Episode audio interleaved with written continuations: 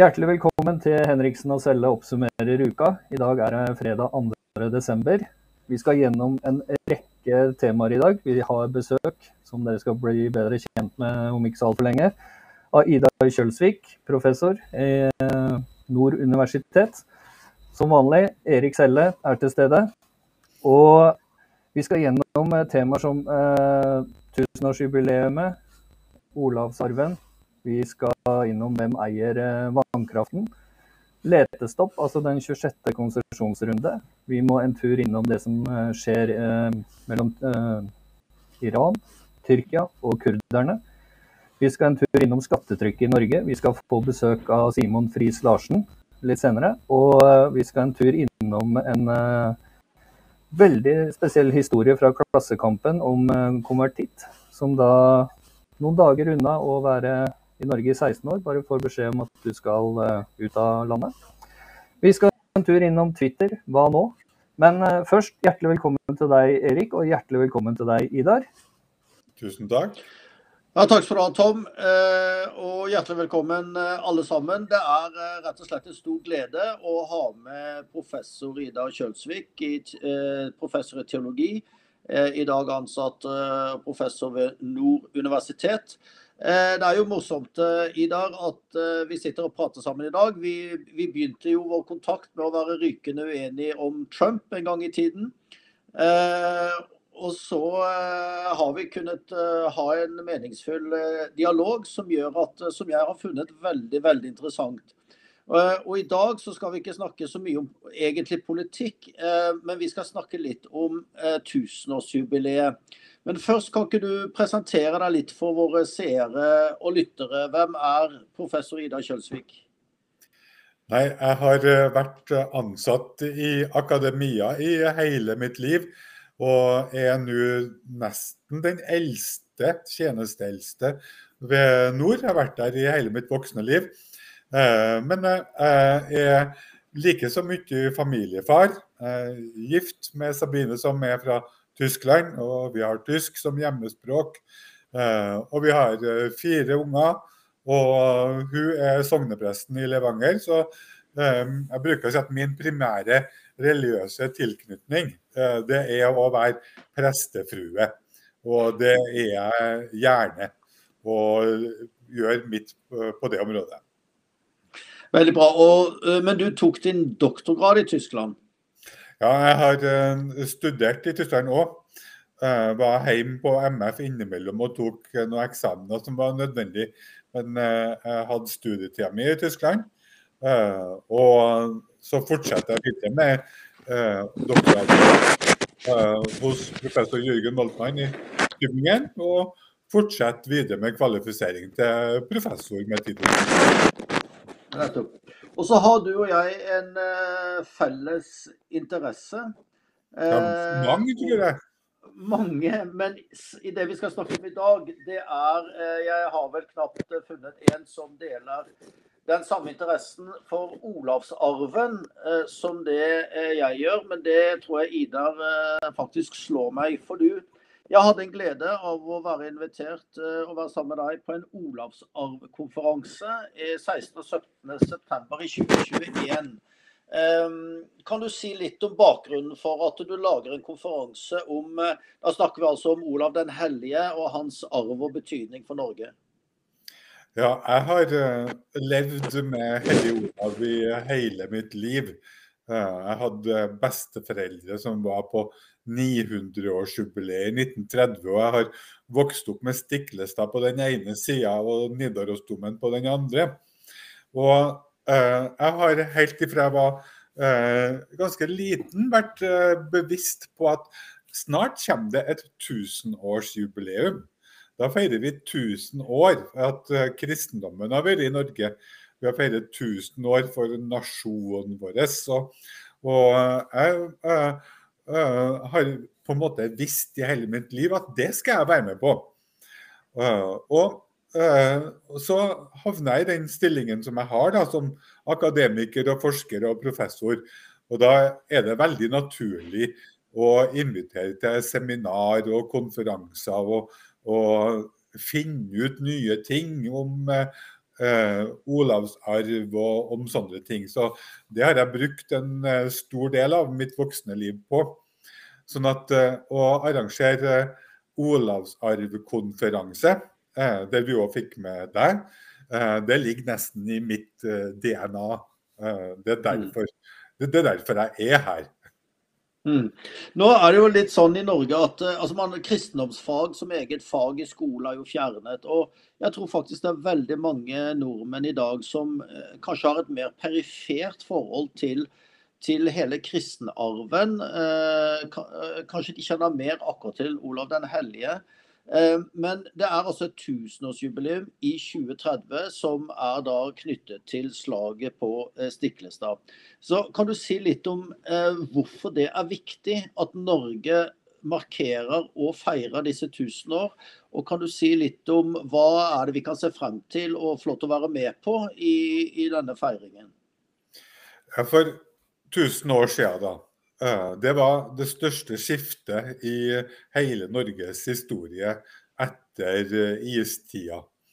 Eh, da skifta Norge ifra å være et hedensk stamme- og ættesamfunn til å bli en kristen nasjonalstat. Og det vi kaller for Olavsarven, det er på en måte det som har utvikla seg på grunnlag av det. Uh, og uh, uh, det aller viktigste det var vel innføringa av kristenretten. Det lovverket som Norge bygde på, og som Norge har bygd på i hele tida etter det. Og så står vi nå 1000 år etter ved, også ved et veiskille. Og Eh, det er mye i samfunnet vårt i dag som ligner på hvordan det var for 1000 eh, år siden. Og jeg tror det er viktigere enn noensinne å, å blankpusse kristenretten og finne fram hva slags prinsipp som ligger i den, og som fortsatt uh, skal bygges uh, på. Så dette jubileet det er noe av det viktigste vi har. Det, Eh, i, min levetid. Og, og, hva eh, Er det planlagt eh, konkrete evenementer? Er det stort sett på Stiklestad dette kommer til å skje, eller kan folk merke det rundt omkring i landet? Og der der arrangement og ting og tang man kan på en måte gjøre at man blir berørt og en del av dette, dette feiringen? Ja, eh, Jubileet er allerede i gang. Eh, og noen deler av landet har merka det allerede. Eh, som f.eks. Innlandet fylke, Hamar bispedømme. Der har det uh, vært store ting nå i år. Og jubileet er laga sånn at det skal gå over ti år. Og det skal være i alle deler av uh, landet. Og det skal uh, tas opp en hel rekke temaer. Så uh, blir det jo vekste seg større og større. Og kulminasjonen er jo 2030 og tusenårsfeiringa for helligkåringa til Olav, som er august 2031 og da er det stopp. Og det eh, blir på Stiklestad, eller? Ja, 2030 er Stiklestad, 2031 er Nidarosdomen eh, Trondheim. Eh, men, men f.eks. 1024, det er det store jubileet for selve kristenretten. Og det er Vestland fylke og Moster som blir stående i sentrum da. Ja, det, det, var jo derfor eh, Partiet De kristne ble stifta på Moster. Det var jo litt av eh, det som lå i bakgrunnen, eh, nettopp at kristenretten ble stiftet der. Eh, men da kan man stemme hvilket parti som helst og glede seg over kristenretten på 1024 for det.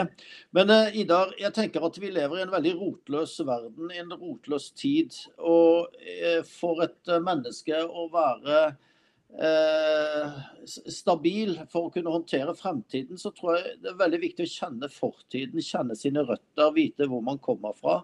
Og det er vel ikke noe som er eh, kanskje dypere i kjernen av våre røtter enn Olavsarven. Eh, vil dette gjenspeile seg noe i, skolesystemet, tror de? I, skoler, utdanning, universiteter? Vil det bli markert i akademia? Ja, vi, vi, er jo i full gang med det allerede. Og uh, alle lærerstudenter i Nordland fylke og i Trøndelag fylke har allerede Olavsarven som obligatorisk. Uh, det fikk vi innført i fjor. Ellers så, ellers så er det i har jo olavsarv alltid vært en del av pensum for den norske grunnskolen. Og det har aldri gått ut, eh, men det skal vi nok bygge ut og videre i de årene som eh, kommer her. Eh, og da vil, både, da vil jo både kommunene og fylkene bli oppfordra til å, å, å, legge vekt på, på, på disse tingene. Kan, det er ingen som kan tvinge f.eks. en kommune nede på Sørlandet til å ta inn noe om denne helgenen hvis de ikke vil. Eh, men jeg tror egentlig at de fleste vil. Mm. Og uh, sånn at Olav har aldri vært ute av norsk skole, men det blir nok et ekstra trøkk på det nå. Og nettopp det du sier med at tradisjon og historie er med og gir oss en kurs videre fremover, det er det viktigste med det her. Og, uh, men eh, jeg bruker å si at det store spørsmålet til Olavsarven, det er hvilket Norge vil vi ha? Det er det som er spørsmålet. Og så kan vi leite i, eh, i fortida og i denne tradisjonen på å finne retninger for det. Men, men fokuset vårt er faktisk framover. Hvilket Norge vil vi ha? Og når du spør om det, så må man spørre om hvilke verdier vil vi da bygge på for å få det Norge som vi vil ha. Og Det er kjernen i uh, Olavsarven og i jubileet. Hva tenker du er det viktigste ved Olavsarven? Det er jo et enormt tema. men, men hva er det viktigste for deg i Olavsarven å videreføre eh, for Norge som nasjon i tusen år til? Nei, det tror jeg kanskje kommer fram i eh, en veldig sentral del av eh, spelet. Spelet om Heilag Olav. Nemlig spørsmålet om utbyrd. Eh, fordi at eh, våre forfedre, de norrøne, de eh, hadde sånn at et menneske hadde ikke noen verdi i seg sjøl. Og hvis at eh, et eh, menneske hadde et verdi bare som produsent eller som en del av ætta og slekta, og hvis at et eh, barn f.eks. da ikke kunne, ikke hadde noen arbeidskraft, arbeidsverdi, at det var skada på noe slags vis eller ha noe medfødt skavanke, så hadde det heller ikke noen rett eller verdi til å ha eget liv. Uh, og det ble båret ut i skogen for å dø. Det er det som heter utburd. På tilsvarende vis så hadde du etterstupet, uh, der uh, gamle mennesker som ikke lenger hadde noen arbeidskraft og ikke lenger hadde noe som familien ville ha, enten ble kasta ut for å dø eller tok selvmord. Og det her ble eh, forbudt så strengt som det bare gikk an. eh, i kristenretten og i innføringa av kristendommen. Eh, fordi at kristendommen kommer med det budskapet om at hver og en av oss er skapt av Gud, og hver og en har en, har en verdi i seg sjøl. Og Uh, akkurat dette er vel det aller, aller viktigste av alle ting, når du spør etter bare én. Menneskeverdet, rett og slett. Ja. Fantastisk. Du, Og så er det jo en fascinerende ting med Olavshaven. Han er jo ikke bare nasjonal. Han er jo eh, bredt internasjonalt like eh, verdsatt. Eh, det er jo, jeg gleder meg jo hver gang jeg er i fødselskirken i Betlehem og eh, mm. går i grunnstilling foran eh, søylen med Olav den hellige på. Eh, og, eh, og, eh, til og med Amerika møtte jo kristenheten mm. gjennom Olavsarven. Mm. Og, kan ikke du si litt om den internasjonale aspektet? Det er ikke bare vi som eier Hellig-Olav? Nei, og, og, her i Norge så er det ofte at man tror at andre plasser i landet at jo, det er kanskje bare i Trøndelag det er det sånt. Uh, og, men det er ikke det. Eh, det største eh, Hellig Olav-landet er Sverige. Eh, de har de fleste Olavkirkene og Olav ja, ting og tang. Det andre er England. Men så kommer Norge på tredjeplass. Men så har vi òg Tyskland, Nederland, Holland, og Finland osv. osv. Russland, Amerika.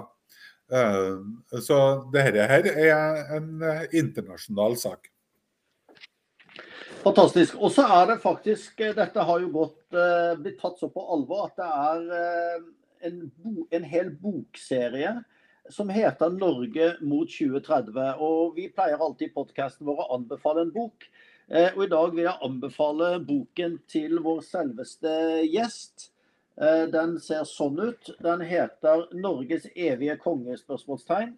Tolv aspekter ved moderne Olavshav. Og den er gitt ut på Embla akademisk forlag.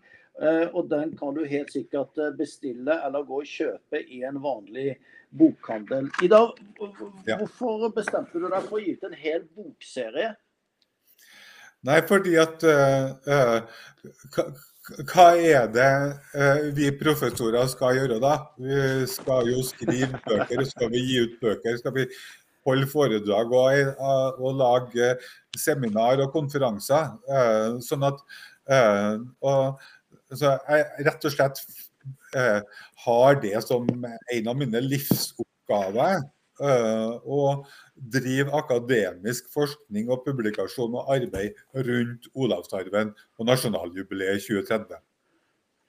Og Det setter vi stor pris på, Idar. Eh, hvis folk eh, har fått litt eh, nysgjerrighet eh, på eh, dette jubileet og Olavsarven, er det noen felles sentraliserte websider sånn hvor man kan gå inn og se eventer og følge med på det som skjer?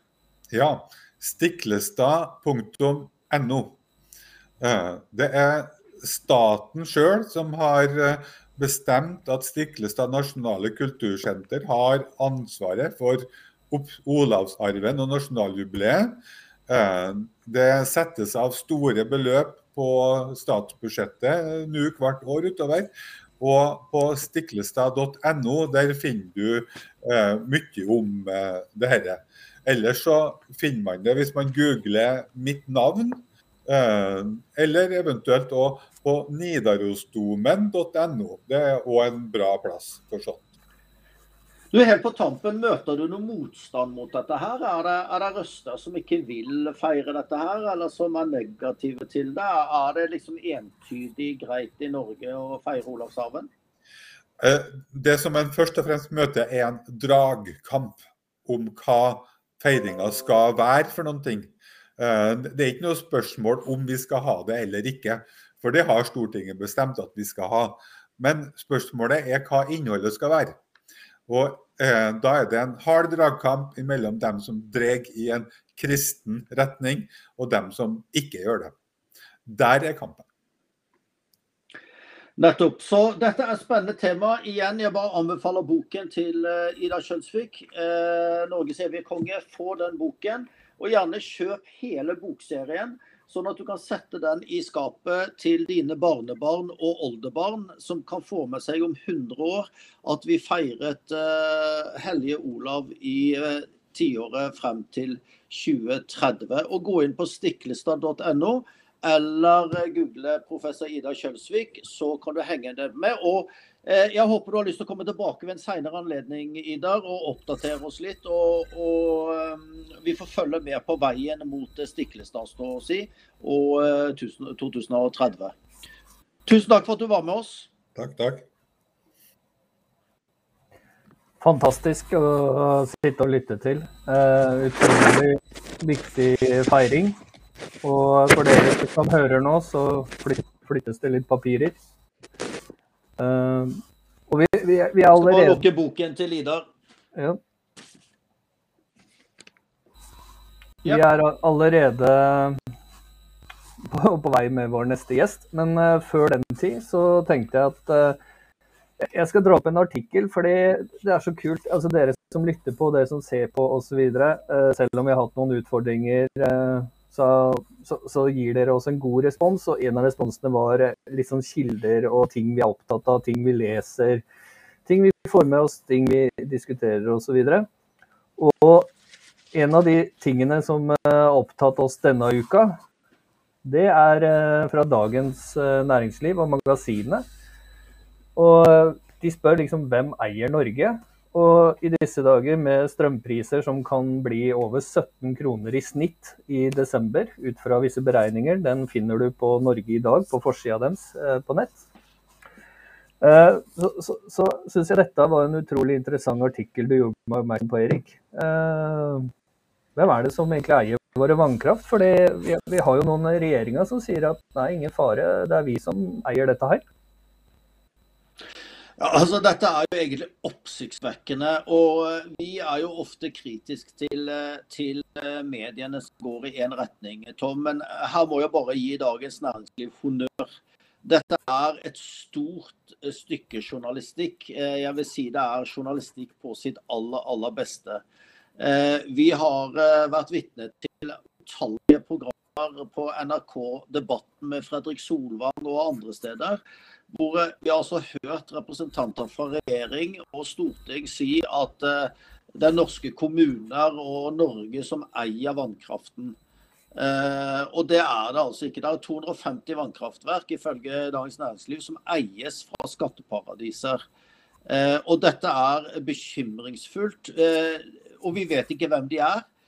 De gjemmer seg bak Trust. De gjemmer seg bak fond, og den reelle eieren er rett og slett vanskelig å spore. Det kan være alt fra kinesisk forretning til en helt uh, legitim uh, milliardær et eller annet sted. Poenget er at norsk kritisk infrastruktur må være på norske hender. Det må eies av Norge.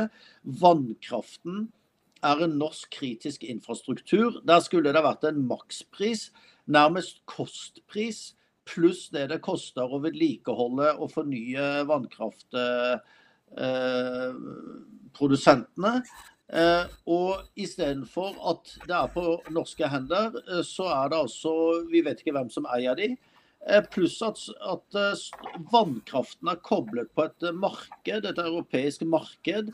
Så istedenfor å være en kritisk ressurs til det beste, og billigste for norske husholdninger og kraftkrevende industri og eh, næringsliv, så er det nå noe som er driveren på økende konkurser i landet. Eh, så vi har sagt i eh, partiet De kristne, og nå konservativt, altså vi mener at vannkraften må nasjonaliseres. Eh, den må tas tilbake. Vi har eh, milliarder på bok. Eh, disse er utenlandseid. Det blir ikke noe press i norsk økonomi på å kjøpe dette tilbake igjen. Men vi må ta vannkraften tilbake. Og den skal ikke være et leketøy for blårussen. Det skal være en norsk kritisk infrastruktur, vårt komparative fortrinn. Her vi ligger i utkantene, utkanten av de store markedene.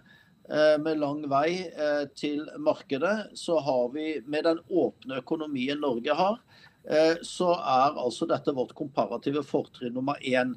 Det er fjernet. Det er fjernet av politikerne som hadde en drøm om at Norge skulle bli Europas batteri, som har en våt drøm om globalisme, og som har en eller annen uh, uklar vitenskapelig, uh, stort sett religiøs tenkning rundt klima, som har ført oss ut i dette elendet. Så vi må ta strømmen, vannkraften vår tilbake. Vi skal produsere så mye olje og gass vi bare kan. Vi er nå primær leverandør av gass til Europa. Og samtidig som vi har faset ut vannkraften vår til eksternt eierskap, så får vi altså et budsjettforlik denne uken mellom regjeringspartiene og Sosialistisk Venstreparti, hvor SV får gjennomslag for fortsatt utsettelse av 26. konsesjonsrunde frem til 25. Det er helt sinnssykt. Det er helt gale, Mathias. Eh, når vi er altså primærleverandør eh, av energi til eh, Europa. Eh, og mm, det er altså vindkraft vil verken bli lønnsomt eller kan eh, demme opp for det bortfallet av energi som har kommet i Tyskland når de stenger ned kjernekraftverkene og disse andre tingene. Så hele energipolitikken må rett og slett legges om. Og det hjelper ikke med disse strømstøttegreiene fra, eh, fra regjeringen. Det er fullstendig uinteressant. Vi vil ikke bli Nav-klienter. Eh, og nå eh, rapporterer de at det er altså 12,5 eh, økt konkurser i år i forhold til samme tid i fjor. Hele 18% i november sammenlignet med fjoråret. Og det er de ekstreme strømprisene. Det er økt skattebyrde. Og det er renteøkning som gjør nå at nå går bedrifter konkurs rundt oss.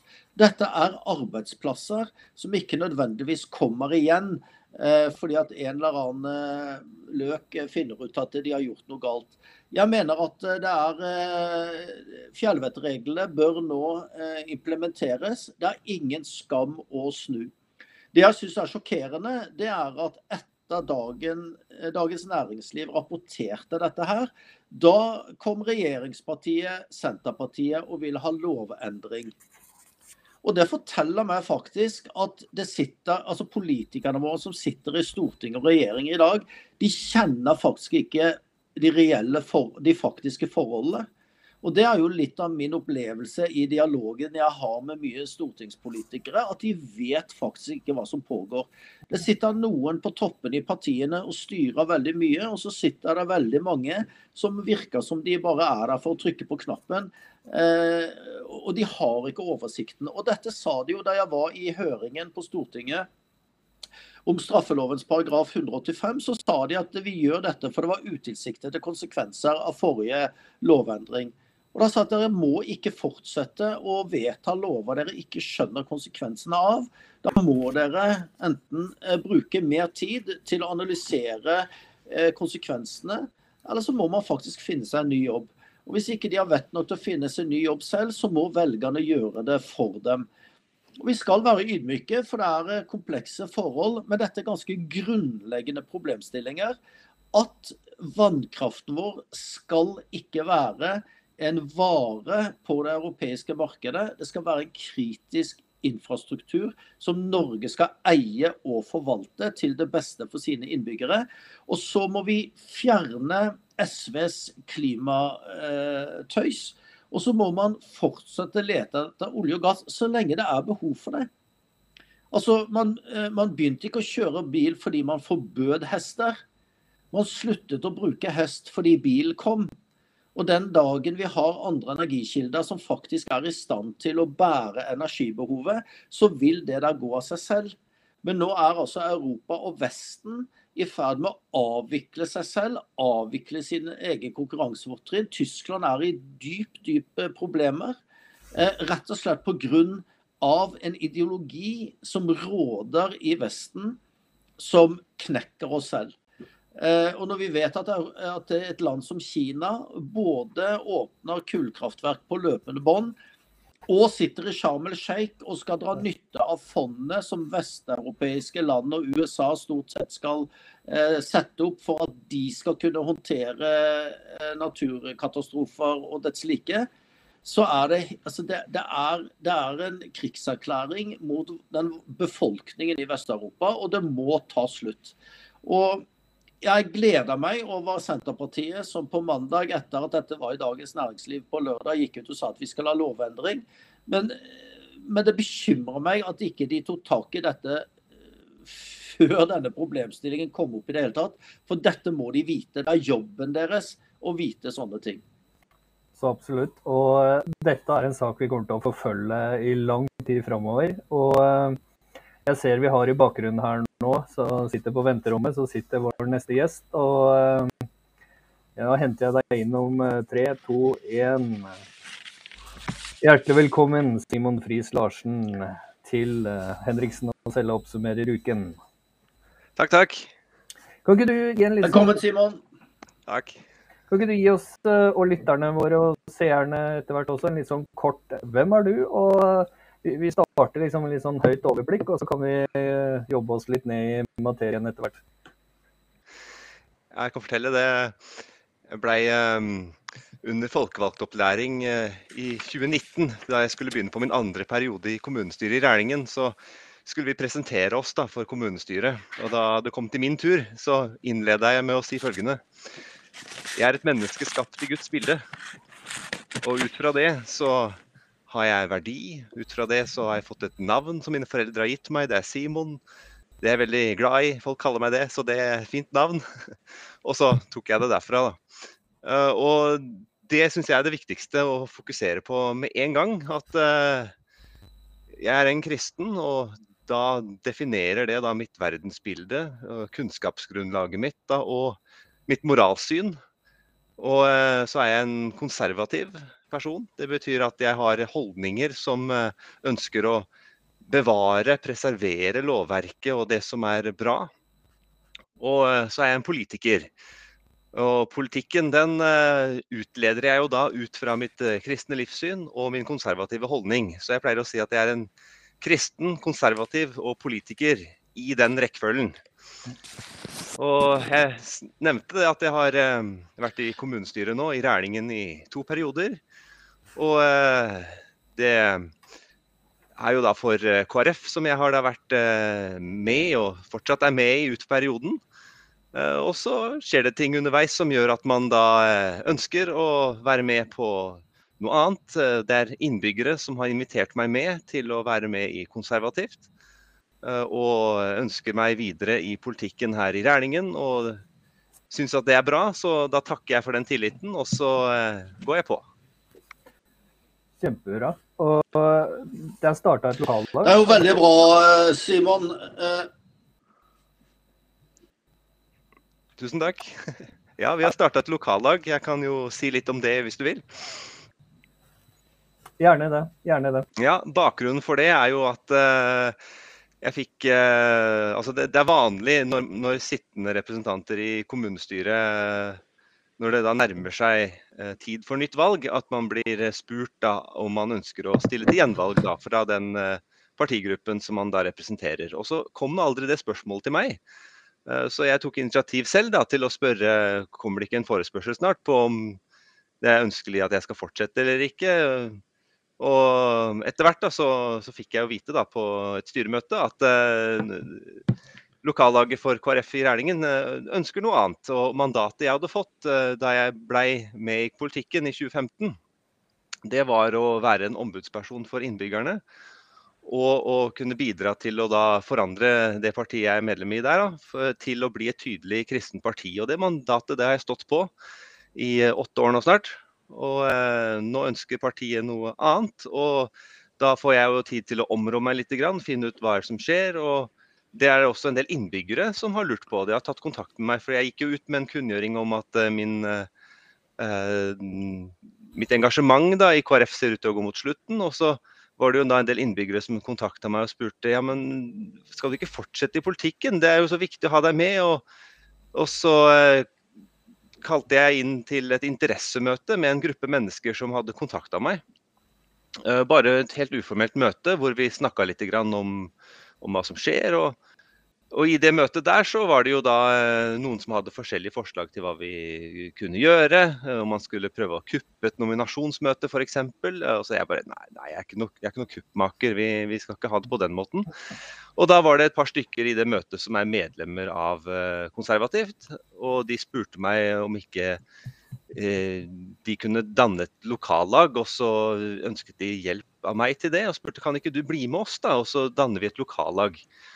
Så det tenkte jeg litt over, og etter et par uker så kalte jeg inn til et nytt møte og med de som da ønsket dette. Så sa jeg det at ja, på bakgrunn av deres invitasjon, så sier jeg ja til å være med og starte lokallag for konservativt i Rælingen.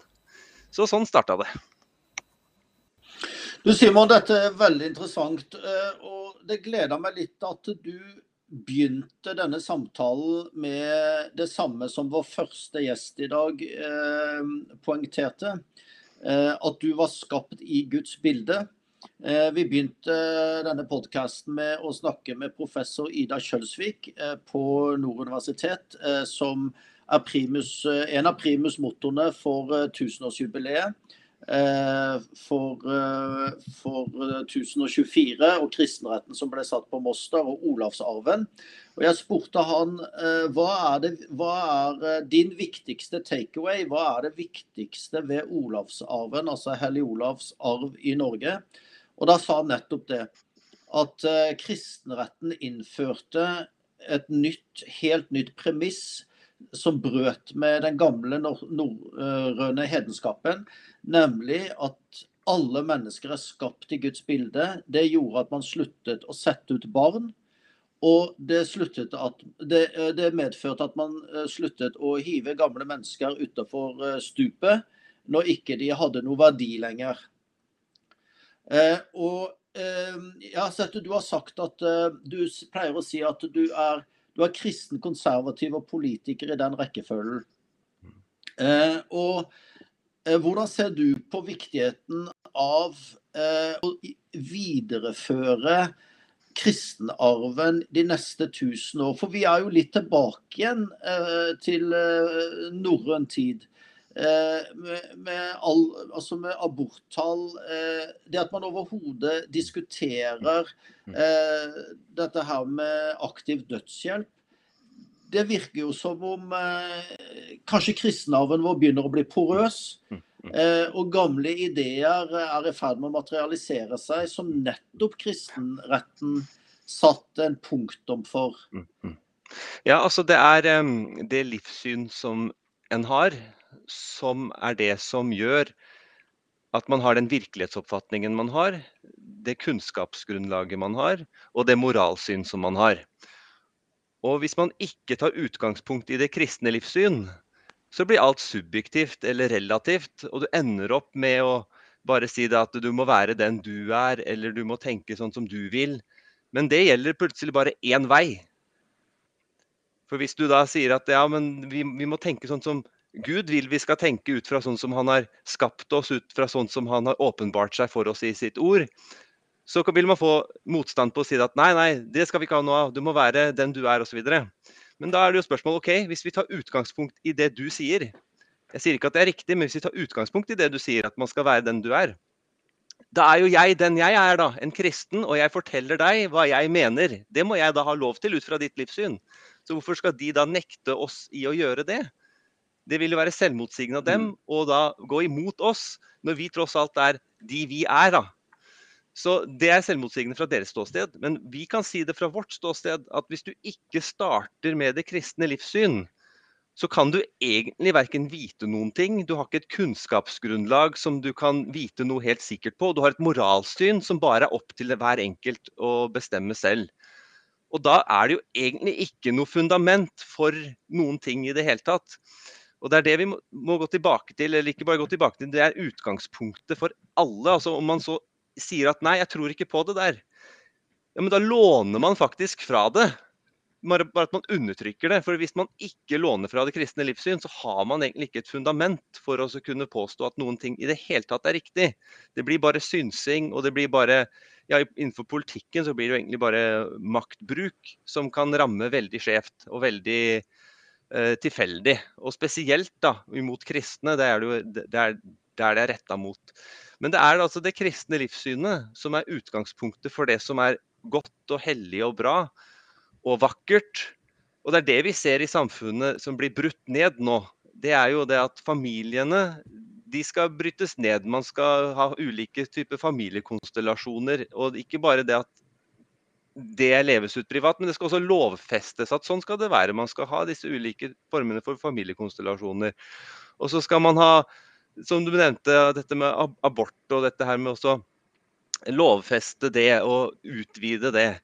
Så må man da sier det at det som er utgangspunkt for det livet vi har fått, at vi er skapt i Guds bilde, det sier vi ikke. Nei, vi skal bare si det at uh, vi får bestemme selv på et eller annet tidspunkt at uh, da kan vi si at det er liv, hvis vi vil at det skal være det. Og det, Hvis man skyver det liksom til sin ytterste konsekvens, da, så kan man jo egentlig bare si det at ja, men, abort blir jo da egentlig om du, om du, tar livet med en gang, eller om du venter til niende måned, det er jo bare en relativ tidsperiode.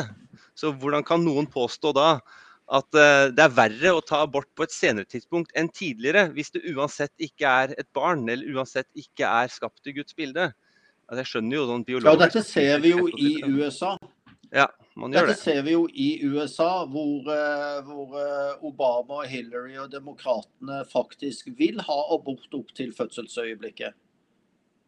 Ja, det er, eh, det er dit de må gå for å være konsekvente ut fra sitt synspunkt. Altså, det, det, det samme ser man jo i spørsmål om eh, når barn skal kunne bestemme hvordan de er, som om de er gutt eller jente osv. Det er jo også spørsmål som virkelig er eh, oppe i eh, tidsånden for tida. Og det er klart at eh, Når du har begynt med at voksne kan få leve ut sin måte å være på sine følelser, så er det jo bare spørsmål om tid. at ja, hvor, hvor mye yngre skal personer være før de på en måte skal kunne anerkjennes for den de er, og så skal man da dytte dette her inn på et stadig yngre og yngre eh, aldersnivå. Og det må man jo da gjøre hvis man skal være konsekvent ut fra det ståstedet. Det er derfor det er viktig med det kristne livssynet, som da tar utgangspunkt i at Gud har skapt oss. eh, Som tar et utgangspunkt i at Gud har åpenbart for oss hvordan han ønsker at vi skal kunne eh, innordne oss.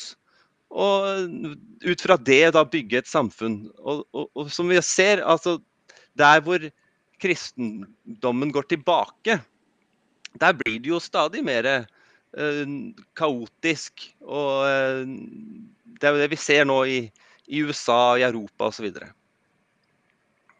Du, eh, Nå har vi blitt kjent eh, litt med deg som eh, kristen, og så er du politiker.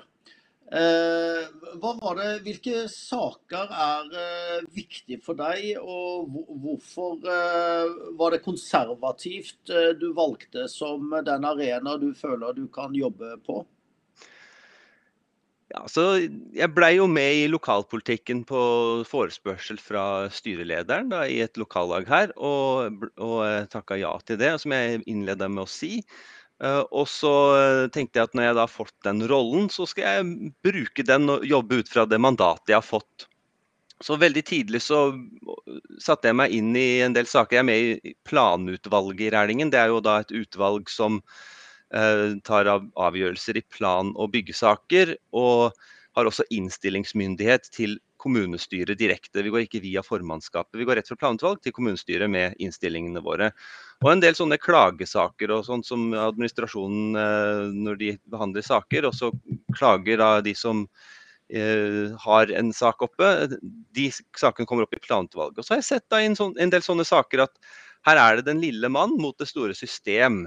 Hvor eh, plutselig er det sånn at gesimshøyden på et tilbygg er eh, syv centimeter for høyt, så de får avslag på søknaden. Mens et annet sted, nei, der er det helt greit å gi dispensasjon. Der kan de godt bygge 1,5 meter. Så det, det rammer så over, for det, det rammer så skjevt, da. Så jeg tenkte at i en del sånne saker skal jeg, i og med at jeg er én kommunestyrerepresentant eh, fra gruppa, så tenkte jeg at der har jeg muligheten til å gjøre en forskjell for innbyggerne med også å gå inn i sånne enkeltsaker. Så der har jeg vært eh, ganske aktiv da, på, på, en, eh, på en del saker. Da. Eh, og så er det jo da når man har politikerrollen, så, og jeg har sett at det er eh, politikere på Stortinget som ikke uttaler seg om saker, eller eh, partiet som jeg da representerer kommunestyret, ikke har vært tydelige i forhold til både hvor partiet står hen, men også stemmer for det vi er imot, og imot det vi er for. Og veldig sånn inkonsekvente, da, så, tenker jeg at her, her, gjelder det som en lokalpolitiker å løfte røsten også i de sakene da, på, på nasjonalt nivå. Og Det går på f.eks. Eh, dette her med flagging fra offentlige bygninger som var en sak som eh, KrF stemte for, selv om de var uttalt imot. Og sender da sånne som meg i lokalpolitikken ut på Urias post for å fortelle i kommunestyret hva partiet egentlig står for. Når du veit at du blir nedstemt. Så det blir sånn ja, Man har jo da representanter rundt om som, som jo støtter det, så da, da, da, gjør de det. Og så har du representanter rundt om som ikke støtter det, men som kanskje ikke tør å si noe. Og så har man ikke da partiet i ryggen engang når man da faktisk skal, skal fremme det som man uh, egentlig står for. Men jeg gjør nå det. Jeg står fram og tar opp det som er viktig. Det er viktig å heise rent flagg og norsk flagg. Og da, da gjør jeg det. Jeg tenker Når man har den rollen og har den oppgaven, så skal man bruke den. Det er det jeg har blitt valgt til, det er det jeg har fått tillit til å gjøre. Så da, da gjør jeg det. Så du ser deg litt som eh, ombudsmann rett og slett for velgerne? Ja, definitivt. Det, det er det, også det mandatet jeg fikk da jeg, da jeg skulle gå inn i politikken. Mm. Det var å være en ombudsperson og representant for innbyggerne. Mm. Veldig spennende. Eh, vi tar med Simon eh, videre i, sendingen, Tom. For jeg har lyst til å prate om et par ting eh, til. Dette er jo podkasten som tar for seg litt av ukens begivenheter. Og jeg vet at du er glad i Afrika, Simon, og det er jeg også. Og vi har snakket om menneskeverdet her nå. Så jeg har lyst til å ta opp en sak som, som vi som parti, altså konservativt, kommer til å løfte frem i alle sammenhenger hvor vi er. Eh, og det, er, det, handler altså om ei eh, dame fra Etiopia som har bodd i Norge da i 15 år og 360 dager. Eh, og igjen så må jeg få lov til å gi honnør til Klassekampen, som brakte denne historien til min bevis. Vi har jo en stor etiopisk kontingent i Norge. Og de er primært politiske flyktninger. Forfulgt, enten flyktet av krig som har vært i Etiopia, eller eller forfulgt av staten. Men denne kvinnen hun har fått avslag. Hun kunne kommet inn under et eh, amnesti eh, som faktisk KrF fikk gjennomslag for eh, da de satt i Solberg-regjeringen. Men da måtte man ha bodd i Norge i 16 år for å få det amnestiet ulovlig. Hun har bodd 15 år og 360 dager og skal sende henne hjem. Men det som jeg syns er vesentlig her, det er at det går frem at hun er ikke forfulgt av eh, en, den etiopiske staten eller kommer ut av et krigsområde, men hun er, er konvertitt. Altså hun har eh, blitt kristen eh, og flyktet fra sin familie. Eh, sånn at uh, det er et, uh, et, forfølgelseselement i islam på, på, på familienivå. Hun, ikke, hun, tør ikke reise tilbake. Vi vet at frafallsloven i islam, hvor man altså mister livet hvis man forlater islam, den lever i beste velgående. Og det anerkjenner ikke norske myndigheter. Det er helt åpenbart. Hadde hun, vært forfulgt av staten, så eh, hadde situasjonen vært en annen. Men hun er altså forfulgt av islam for sin trosskyld, sin egen familie. Og Dette ser vi gjentagende ganger med konvertitter f.eks. til Iran. Det virker som norske myndigheter gjør et poeng av at eh, de aksepterer ikke at uh, i mullaregimet i Iran så vet vi jo eh, kristne konvertitter som har blitt sendt hjem til tortur og fengsel og død. Eh, og dette er en sak som eh, jeg brenner for, og som partiet brenner for. Nemlig konvertittenes sak og den nødvendige erkjennelse. Skal vi kunne ha en, en hva skal jeg si, en, en, noe som helst rasjonell dialog med eh, land som er styrt av muslimsk ideologi, så må det i det minste være en erkjennelse av at det faktisk er eh, forfølgelse av konvertitter, og at apostasilovgivningen gjelder. Eh, det er viktig i denne podkasten å ta opp, fordi vi kan rett og slett ikke akseptere at man avfeier asyl på et sånt grunnlag, nærmest for å gjøre et poeng av at den type forfølgelse ikke fins. Hva tenker du om det, Tom? Helt riktig, men uh, vi skal også gi slipp på Simon her. og bare litt øyeblikk. Så jeg har bare lyst til å høre fra deg, eh, Simon. Uh, litt grann konvertitt. Uh, altså, hvor, hvor har du stått i saken i ditt forrige parti i forhold til det du hørte nå, det standpunktet partiet konservativt har? Politisk har jeg ikke jobba med den saken, men det har jo vært et stort fokus på dette med flyktninger. Men det er jo flyktninger generelt. Eh, så det mm, er jo viktig å løfte et spesielt fokus på dette med eh, kristne flyktninger. Jeg eh, kunne sagt religiøse flyktninger, men det er jo kristne vi mener. For det de som, de som gjerne kommer til Norge, er jo flyktninger som har tatt seg veien gjennom menneskesmuglere osv. Og, det er viktig å, å, å, hjelpe mennesker, men samtidig så er det at personer som har vært i Norge i 15 år og 360 dager og ikke får opphold og er forfulgt for sin tro. Der må vi ha oppmerksomhet om saken og lignende saker. For det er klart at her er det skjebner og personer som ikke kan sendes tilbake. Samtidig som at vi i Norge, som da har vår kristne bakgrunn, må kunne forstå at disse personene er utrolig viktige å hjelpe. Og så må vi tenke på hvem er det vi kan gjøre en ekstra innsats for. Det må være de kristne flyktningene som forfølges for sin tro. Og med det, Men, så eh, Jeg vil trekke det litt lengre.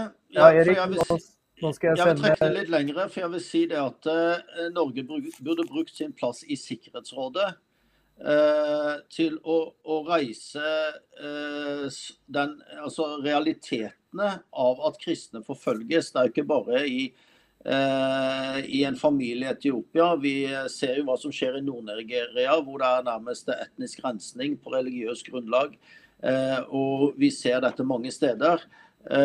Sånn at Én ting er at det burde kommet noen FN-resolusjoner på dette. her. Det andre er jo at Eh, Norge, som tradisjonelt har hatt en god dialog eh, med etiopiske myndigheter, senest eh, statsministeren fikk fredsprisen, burde jo faktisk stille krav at disse landene etablerer ordninger. Og vi har jo selv i Norge kvinner som flykter fra voldelige menn, som vi har ordninger for å kunne Eh, hjelpe og ta vare på. Dette er eh, altså eh, krise, krisetilstander. Dette er jo ting som vi må kreve blir tatt på alvor i de landene hvor det eksisterer. Pluss at vi må faktisk feie for egen dør og erkjenne at uh, hvis dette er tilfellet også i, i, vårt land, så må det adresseres. Helt klart. Og med det så skal jeg eh, ønske Simon eh, riktig god helg før vi går eh, videre. Utrolig at du hadde tid til å komme og være sammen med oss her i fredag. Og håper det ikke blir siste gang. Og så snakkes vi. Takk for det. Kommer gjerne tilbake. Yes. Der kutta teknikken litt før tida. Men jeg er helt enig, Erik. Det vi ser er jo en forfølging av folk som går fra islam til eh, spesielt kristendom, eh, der islam sier at de faktisk eh, skal drepes, tas livet av, forfølges, de har ingen verdi osv. Det, det tas ikke på alvor at tekstene sier at det er slik man skal behandle konvertitter. Og veldig mange føler jeg er litt naive i sin forståelse med at ja, ja, men det er bare noe som står i en bok. Altså Jeg ser ofte når vi diskuterer kristendom på nett, så er det sånn å, det er en eventyrbok. Eh, jeg har følelsen at de sitter litt med den samme holdninga overfor eh, islam og islams eh, bøker. Og regler og lovverk, og politiske osv. Men vi må ta dette på blodig alvor. Og jeg mener dette er så viktig at eh, man må ikke feie det under teppet. Folk blir drept for å konvertere til kristendom. Ja, og norske myndigheter anerkjenner det ikke. Eh, I det minste så bør man anerkjenne at hvis du sender en iransk konvertitt tilbake til, eh, Iran med fly, så vil han bli satt i fengsel og torturert. Vi, jeg kjenner jo tilfeller av folk som har blitt sendt til Iran og torturert og klarte å rømme og komme tilbake til Europa, for det er, ikke noen mulighet til å være der. Og Det må jo være en del av den dialogen som føres internasjonalt i, i samspillet mellom nasjonene. Men det gjelder jo ikke bare islam. altså Vi driver delvis og frykter en potensiell konflikt med Kina, samtidig som vi logrer for Kina. Eh, Kina er altså en politistat de luxe med et social credit-system som er helt eh, absurd, og som er eh, krenkende mot det menneskeverdet vi har snakket om som gjennomgående tone i podkasten i dag. Og det sitter altså, der er konsentrasjonsleirer i Kina eh, av både kristne og muslimer, faktisk. Eh, sånn at eh, Kina er en kommunistisk stat etter det merket vi kjenner fra historiebøkene. Og, det må gjenspeiles i vår tilnærming i internasjonale fora. og vi må, vi må ha en regjering utgått av Norge og Oslo som faktisk tør å ta tak i disse tingene. Ikke minst nå når vi skal feire tusenårsjubileum som kristen nasjon, og den arven vi selv bygger på, så må vi faktisk ha større empati og eh, større Vi må ha nulltoleranse for forfølgelse av kristne, uansett hvilken isme det er. Om det er eh, kommunisme eller islamisme eller hva det er, så, så må vi være en nasjon som taler eh, høyt ut for disse her, som resten av verden stort sett prøver å tie i hjel. Helt uh, riktig som du sier. Og jeg skal skifte tema for oss. Uh, vi snakka litt om i forrige podkast om kurderne. Og igjen så var det utrolig bra. Dere gjør oss oppmerksom på liksom, hva, hva, er det vi snakker om. så vi, vi, har fra VG her sånn, så er overskriften 'Nå bombes kurderne av både Tyrkia og Iran'. En krigserklæring. Og jeg, jeg synes det er litt uh, spesielt uh, et Nato-land, med tanke på alt som skjer i Ukraina og ellers i verden, med Kina og Taiwan osv. At uh, det er svært lite oppmerksomhet rundt denne saken. Og her bombes infrastruktur, eh, kvinner og barn, eh, hele samfunn slettes med jorda. Eh, og det er før de i det hele tatt går inn med bakkestyrker.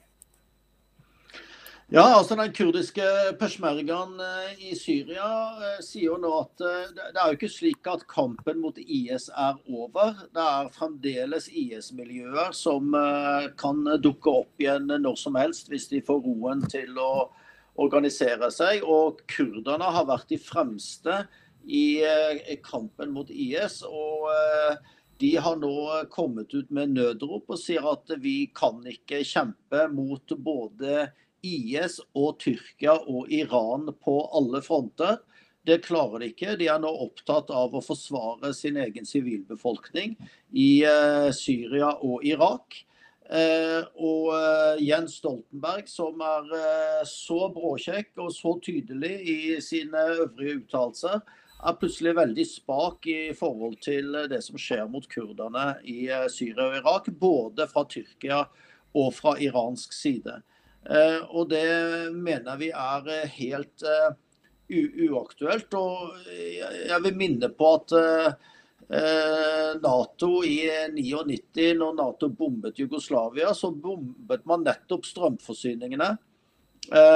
For å legge press på, på myndighetene og for militær uttelling som man ville få hvis man bombet strømforsyningene.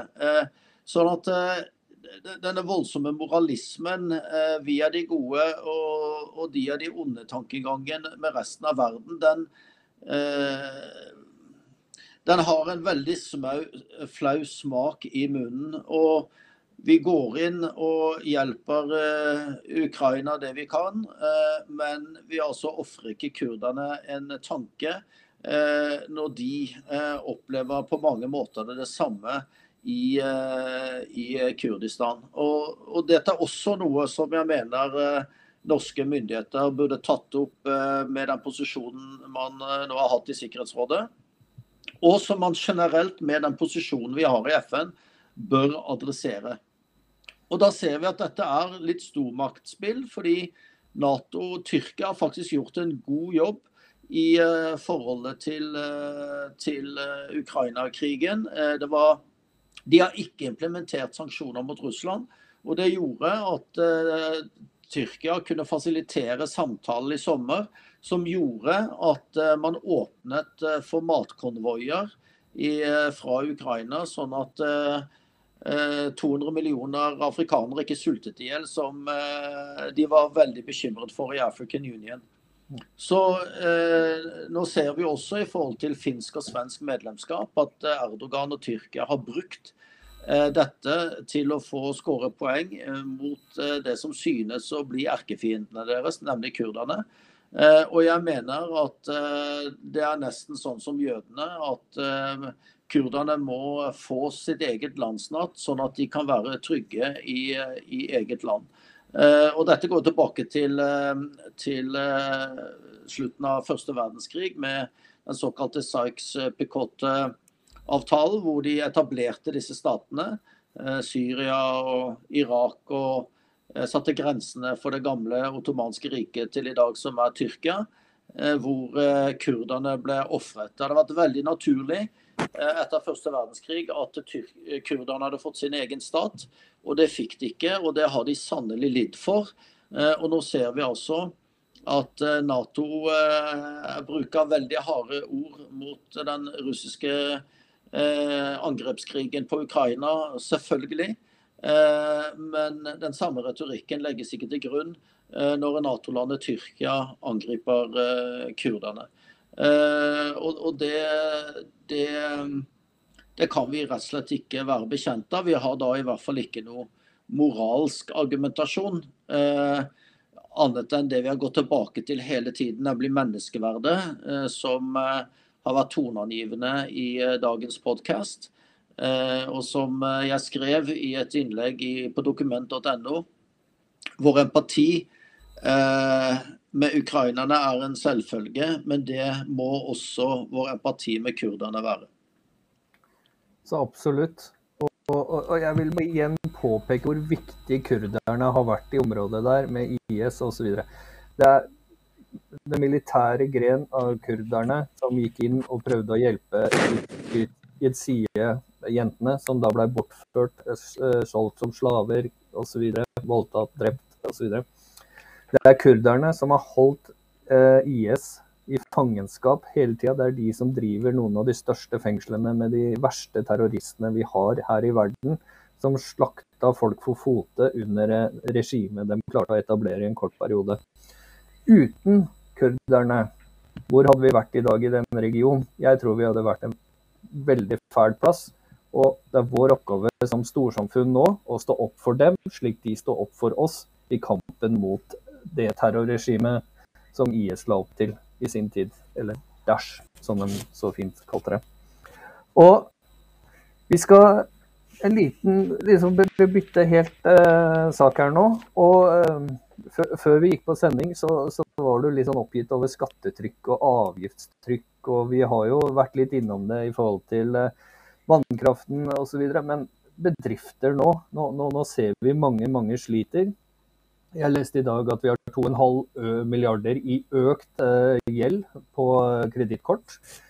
Vi eh, hører om bedrifter. Jeg har sett du har eh, flere ganger nevnt at du har kjente bedrifter som går over ende nå. Og hva, hva er løsninga? Altså, hva er det vi skal klare å gjøre nå når vi blir valgt inn i 23 og inn på Stortinget i 25? Hva, hva er det første vi skal gå i gang med? Altså, vi har jo allerede hatt en eh, ekstrem inndragning av kjøpekraft i samfunnet gjennom de voldsomme strømprisforhøyningene. strømprisforhøyningene. så også matvare, matvareprisene stiger jo. Eh, og drivstoffprisen har steget. Men det vi ser nå, det er at eh, regjeringen evner verken å ta vare på de rike, som de stadig Altså, rik har plutselig blitt et sånt fyord. Rikingene er et fyr Jeg kaller dem verdiskaperne. Eh, som skaper arbeidsplasser eh, langs kysten eh, i Distrikts-Norge. Som opprettholder det levende folket og landet som vi har. Vi ønsker ikke å ha et Norge hvor det bare bor folk i Trondheim, Stavanger, og Bergen og Oslo og Kristiansand. Verdiskapningen i Norge skjer utover i hele landet vårt. Eh, langt ifra Oslo. I Oslo sitter man stort sett og skattlegger dem. Eh, så vi klarer ikke ta vare på dem. Eh, de flytter nå, den ene etter den andre, ut av Norge. Langt på vei pga. vi har et særskatt for norske bedrifter som heter formuesskatt, som rammer bare norske bedrifter. Og formuesskatten rammer ikke likvidene dine, men den rammer fast bundet eh, verdier. Sånn at eh, du må jo ta utbytte for å kunne betale formuesskatten din eller eh, selge aksjer. Hvis skattetrykket blir for høyt, så, så vil jo det ta knekken på næringslivet. Næringslivet er jo ikke en egen del av leketøysbutikken i sosialistland. Det er mennesker som jobber knallhardt, ofte døgnet rundt, eh, entreprenører, eh, innovatører eh, som tør å investere. Det er jo mange som har investert og tapt pengene sine. Eh, men vi må ta vare på de som evner å skape arbeidsplasser, evner å skape verdier. Og på den andre siden så evner vi ikke lenger å ta vare på de mest sårbare og utsatte. Uh, uføre som aldri som har vært i full jobb, som fikk en sykdom de ikke kunne noe for. Uh, folk som uh, er født med et eller annet handikap som har gjort at ikke de kan gå på skole eller jobbe sånn som alle andre som er avhengig av det som nå kommer fra staten. De klarer rett og slett ikke til å få gå rundt. Og det er klart Den nærmeste fristelsen det er jo å begynne å bruke kredittkortene sine fordi du tenker jeg må, betale, jeg må få mat, jeg må betale strømmen, og nå er det snart jul. Eh, og så bare håper du at et eller annet ordner seg. Og så ser det ikke ut til at dagens stortingspolitikere har verken evne, evne eller vilje til å ta tak i grunnproblemene som gjør at vi er der vi er i dag. Sånn at På den ene siden så klarer vi ikke ta vare sikkerhetsnettet vårt, som vi har vært så stolte av i velferdsstaten. Det er rett og slett ikke godt nok lenger eh, for de mest utsatte og sårbare. Og så eh, legger de på et eh, skattetrykk eh, på toppen som gjør at de som skaper verdiene, eh, flytter ut. Eh, og I tillegg så sliter nå middelklassen, som er gjerne de som er i små og mellomstore bedrifter. Eh, Pga. at de har fått utgifter som er generert på en globalisme og en klimafanatisme som Globalismen er en ideologi, og klimafanatismen er rett og slett ikke vitenskapelig dokumentert på en måte som gjør at det forsvarer å føre en hel nasjon i, på konkursens rand. Eh, og det er bare velgerne som kan eh, gjøre noe med. Eh, vi kan ikke endre klimaet, men vi kan gjøre noe med naturen. Vi kan ta vare på naturen vår. Vi kan være et miljøparti som sikrer rene fjorder og fjell og hav og elver. Eh, vi kan være et miljøparti som tar vare på naturmangfoldet, både nasjonalt og globalt. Det er fornuftig miljøpolitikk, og der vil konservativt stå i første rekke. For det handler om å ta vare på skaperverket. Men å føre befolkningen vår på konkursens rand på en klimaideologi som egentlig bygger på en marxistisk, globalistisk tankegang, det er helt uaktuelt. Og jeg bare håper inderlig velgerne våkner eh, før dette er for sent. Men det er tre lange år. Og det som er bekymringsfullt, vi har ikke mulighet til å skrive ut nyvalg i Norge.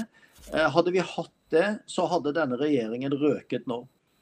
Så, men det hjelper jo ikke, fordi at uh, Høyre går opp til tidenes meningsmålinger. Uh, Støre sier at han har en plan, han vil fortsette på denne galeien.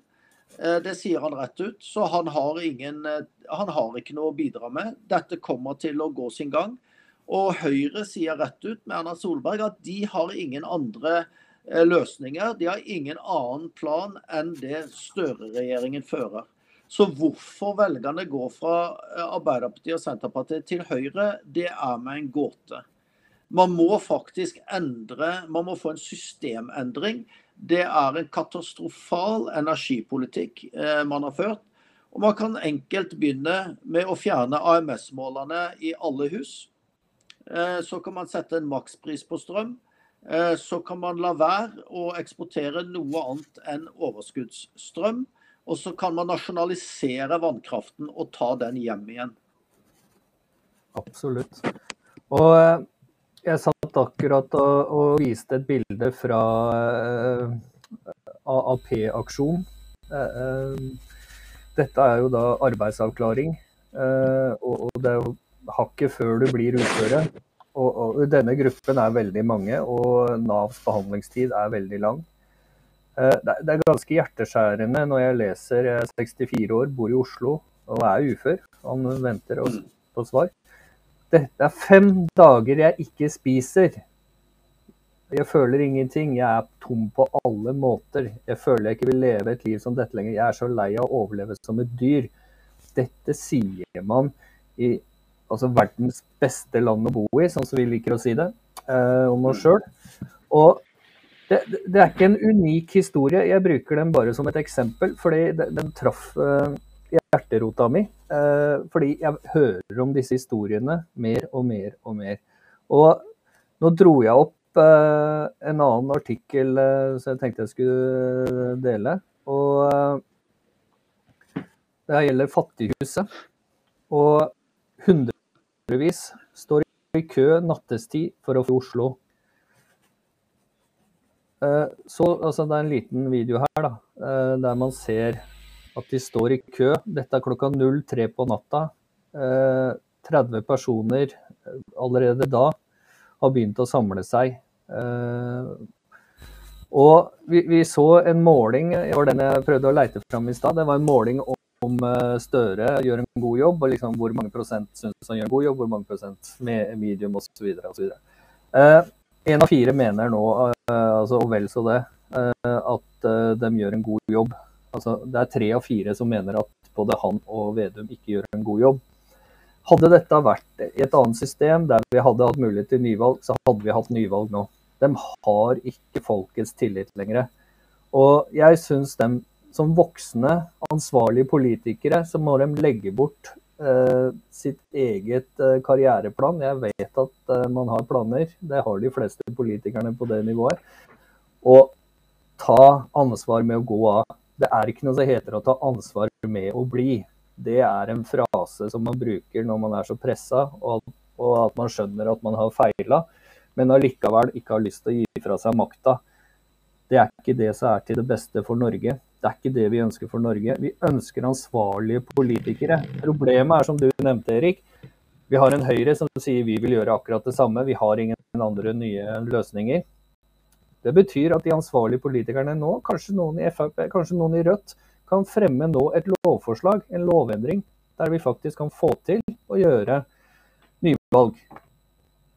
Det burde jo være fullt mulig. Ja, det må gjennom to storting eh, for å bli vedtatt. Men vi må starte, fordi det er uholdbart å sitte og lese denne type hva skal jeg si, forferdelige historier og vite det at allerede neste, altså i slutten av denne måneden så blir det enda verre.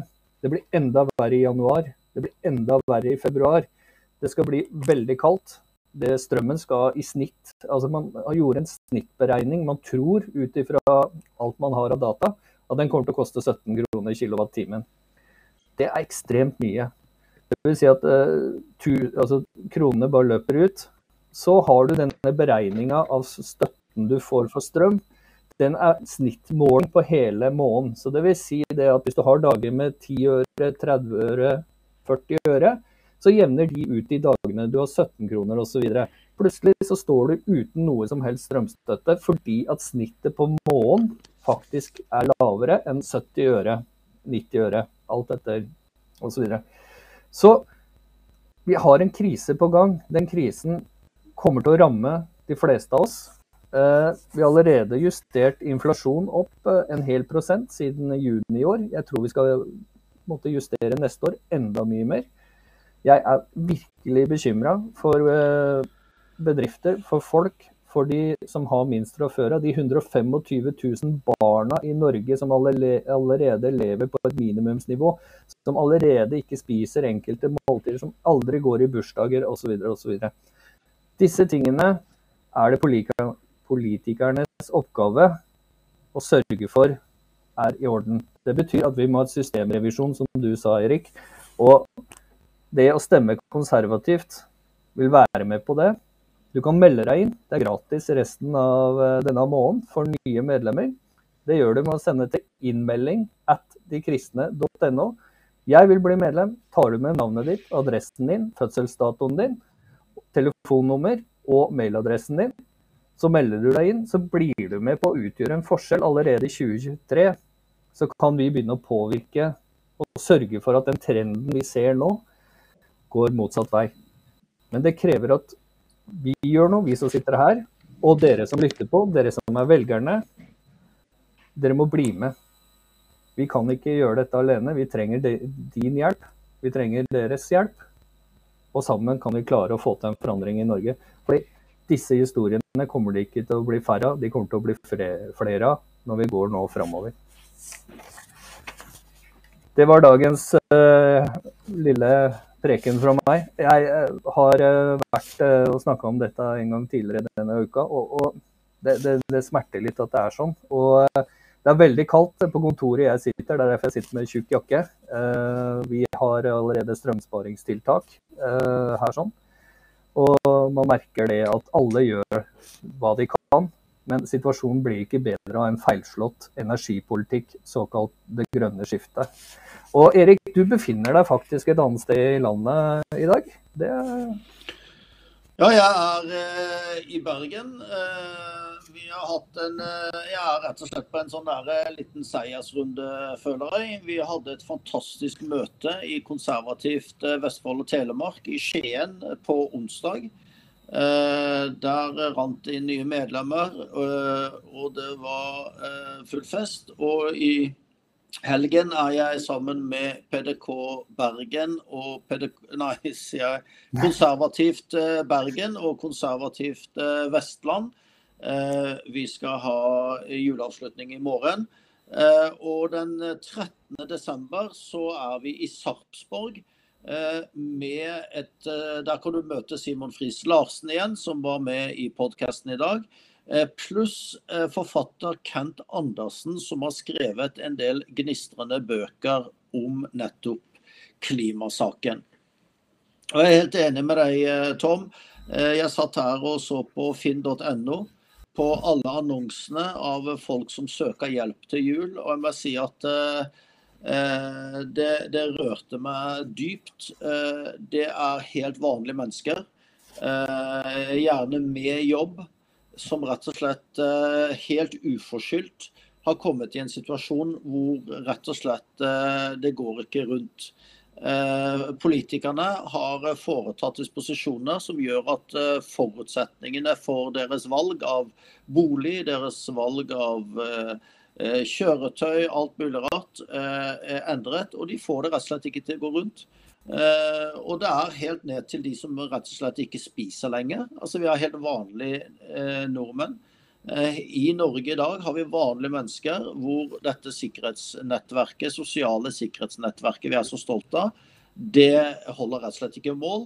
Og så ser vi da i NRK-debatten igjen at de har fått 230 kroner ekstra i måneden. Og det er de så såre fornøyd med. Eh, det de burde gjort, det var det vi har sagt nå. Å få de strømprisene ned. Det er det helt mulig å gjøre, men det vil man altså ikke. Nei, altså Det handler om politisk vilje. og Det er politiske prioriteringer, ikke hvor mye penger Norge har til å bruke på forskjellige ting. Og Det tror jeg folk begynner å våkne til den realiteten, at det handler ikke om penger. Fordi de fant 3,5 milliard til SV under budsjettforhandlingene. Oi, der var det. Uh, men, men, de hadde ikke råd til å hjelpe minstepensjonistene. Ikke sant? Så, så dette her er en politisk vedtatt politikk. Og kan du overbevise meg om noe annet? Jeg har sagt det på Facebook før i dag, jeg sier det på podkasten nå. Jeg kan gjerne på Twitter også. Eh, siste ting vi skal ta innom i dag. Overbevis meg om at dette ikke er en villet politikk. Så kan vi ta en diskusjon. Og eh, vi hadde jo en veldig interessant eh, det som har skjedd nå med Twitter. Og vi har jo Elon Musk som har kjøpt opp Twitter. Det har jo blitt et uh, kjemperabalder på venstresiden. Og uh, jeg syns jo uh, dette er en god ting, jeg, da. At han overtok Twitter. Ja, altså Venstresiden har fortalt oss hvor selvfølgelig og demokratisk og flott det er at disse ekstremistene som har sittet i Twitter, stadig har fjernet flere røster på konservativ side, eller høyre side, eller hva du vil kalle det. Jeg uh, syns jeg er helt såre fornøyd når Twitter sensurerer en eh, president i USA fra å uttale seg. Uh, stenger kontoer til, til organisasjoner og mennesker som de ikke liker hva de sier. Det syns venstresiden er helt fint. Mm. Så kommer Elon Musk og er vel egentlig verken ja, Han er vel kanskje så han støtter til Santis nå, så han er vel republikaner. Men han altså tar over Twitter og sparker rampen. Og det han gjør, han fjerner jo ikke liberale og venstreaktivister. Han bare åpner Twitter igjen for fri debatt. Og da ser du at man raser på venstresiden. Eh, Twitter, Man skal forlate Twitter, og Twitter har blitt eh, dumme og fæle. Hvorfor det? Jo, fordi at eh, Musk tok kontroll på en enormt viktig kommunikasjonsplattform globalt. Og faktisk hadde den målsetninga at alle Og der eh, var det litt sånn dårlig forbindelse i Bergen. Eh, jeg har eh, lyst til å si at det handler om 60 000 kontoer som hadde blitt begrensa, sletta eller fjerna. Eh, det, det, er ganske mye kontoer som eh, nå etter hvert blir åpna igjen. Eh, vi hadde en kontrovers i natt der det var. Det kan vi kanskje ta i en annen podkast. Uh, nå er du tilbake igjen, Erik. Eh, det var litt sånn uh, dårlige ja. greier i Bergen. Jeg veit bergenserne er veldig sånn skryte at alt er bedre i Bergen, ja. men uh, internettet ikke Det er ikke bedre internett her. Nei. Og jeg, jeg, har egentlig bare lyst til å si jeg, jeg, Mastadon Eh, hvis venstresiden føler at det er veien å gå, hjertelig velkommen til å gjøre det. Eller bli med på debatten og diskutere med oss eh, konservative på Twitter. Eh, følg gjerne både meg og Erik på Twitter hvis du vil det også.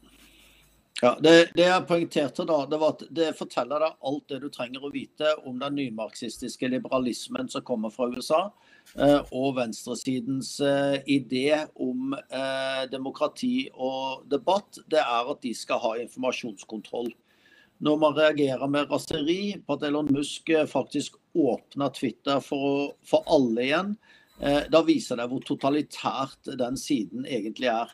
Og hvis man så åpenbart eh, ser deg rett i øynene og mener det er rett at ikke du får uttale deg på Twitter, ja, da kan du jo bare begynne å spekulere på hva de gjør på bakrommet som man ikke kontrollerer.